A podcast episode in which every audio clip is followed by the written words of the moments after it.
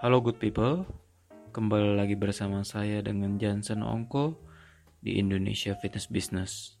Pada kesempatan kali ini saya akan membahas suatu topik yang cukup kontroversial, tapi penting untuk dibahas karena masih belum ada yang berani membicarakannya, yaitu tentang online booking platform yang sudah semakin marak di Indonesia dalam beberapa tahun ini. Terdapat beberapa merek atau beberapa perusahaan baik dari dalam dan luar negeri yang sudah available untuk di-download aplikasinya ataupun diakses melalui websitenya masing-masing. Nah, saya sebagai salah satu pemilik fitness business sebenarnya sudah mendapatkan beberapa kali penawaran dari produk tersebut. Dan pada kesempatan kali ini saya akan membahas pro and con-nya.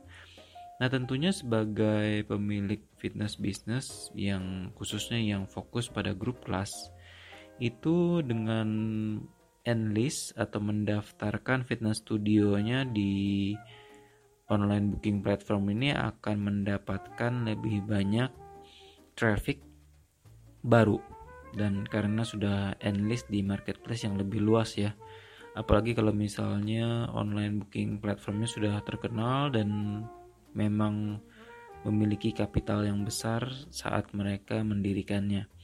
Dan juga manfaat yang bisa diperoleh oleh pemilik fitness business adalah di review.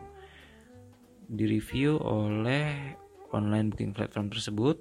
Jadi Anda bisa memperkenalkan fasilitas apa yang punya apa kelebihannya melalui media itu juga.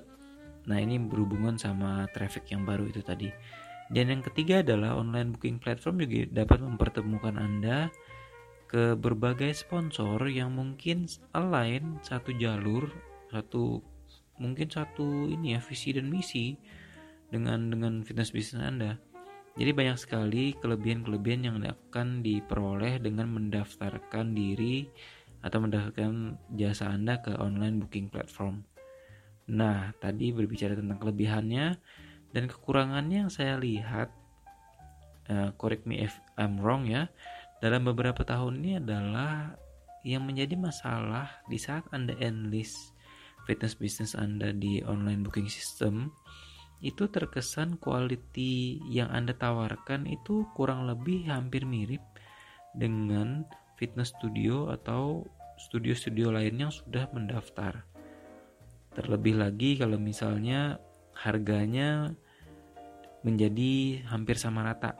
Jadi misalnya dengan mengikuti uh, yang mendaftar di online booking system itu cukup membayar 10, 1 juta akan mendapat 10 token yang bisa digunakan ke beberapa fitness studio yang sudah enlist artinya satu token let's say 100 ribu ya pricing anda walaupun sebenarnya di atas itu menjadi 100 ribu nah ini dapat menjadi bumerang kepada pemilik bisnis karena masih banyak masyarakat yang menilai kualitas berdasarkan harga Artinya akan sulit untuk bersaing secara non harga yaitu kualitas, kemudian service dan lain-lainnya. Nah, yang menjadi masalah dari yang saya amati yang mendaftar di online booking system itu bisa disebut dengan gym hoppers. Gym hoppers itu adalah orang-orang yang suka berpindah dari satu gym ke gym lain. Baik banyak faktor ya.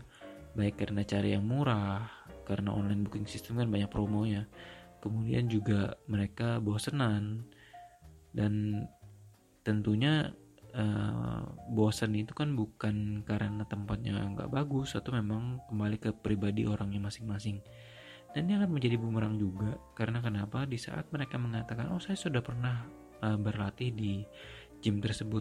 Cuman ya karena saya bosan atau dia membandingkan dengan gym-gym yang lainnya sehingga dapat ini ya menjadi uh, bumerang yang membahayakan. Karena itu tadi mereka bosan mereka bilang sudah pernah berada di tempat fitness anda dan membandingkan berdasarkan fasilitas dibandingkan berdasarkan fasilitas itu jadi jadi apa ya jadi kurang fair. Sehingga kalau misalnya uh, apple to apple itu karena harganya sama kesannya apple to apple padahal tidak gitu loh. Dan ini akan jadi masalah banget. Nah saran saya sih untuk pemilik fitness bisnis sendiri adalah pertimbangan baik-baik kalau misalnya ingin mendaftarkan usaha anda ke online booking platform.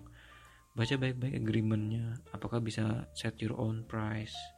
Walaupun di limit jumlah uh, member yang bisa datang ke tempat anda misalnya cuma bisa tiga kali dalam satu bulan atau hanya anda hanya menyediakan 10 atau 5 slot untuk online booking ini tetapi saya masih melihat lebih banyak kekurangannya daripada kelebihan yang ditawarkan oleh online booking platform tapi saya tidak tahu apakah beberapa bulan atau beberapa tahun kemudian mereka dapat uh, memberikan lebih banyak ini ya um, tawaran yang atau lebih bermanfaat untuk pemilik fitness bisnis dan benar-benar dapat mempertemukan antara target market dengan fitness bisnisnya masing-masing. Jadi daripada mendaftarkan uh, ke online booking system, saya akan lebih fokus untuk menemukan uh, finding your target market, our target market, yang di mana itu kan lebih ke emotional bonding. Kalau misalnya kita dari awal sudah berbicara tentang harga murah, murah dan murah, otomatis yang datang adalah ya gym hoppers itu tadi. Jadi kita harus benar-benar bisa menentukan target market kita, terus meningkatkan kualitas dan service dan benar-benar fokus pada specialty yang di, ditawarkan oleh gym kita. Dan yang terakhir adalah sabar.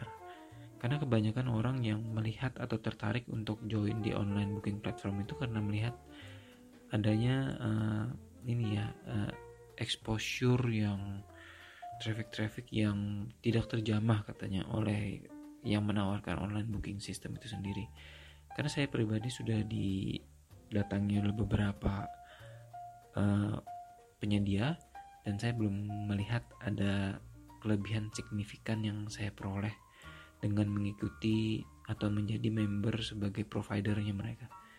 Jadi ini mungkin dapat menjadi pertimbangan bagi kamu yang memiliki fitness business.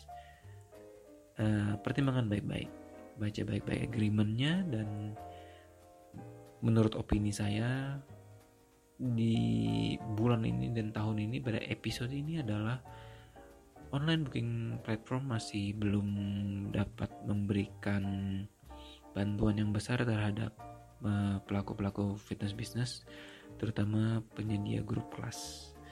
Mungkin mereka harus meningkatkan lagi atau explore lagi apa eh, konsep-konsep uh, yang mungkin dapat benar-benar memberikan manfaat kepada owner dari fitness bisnis itu sendiri.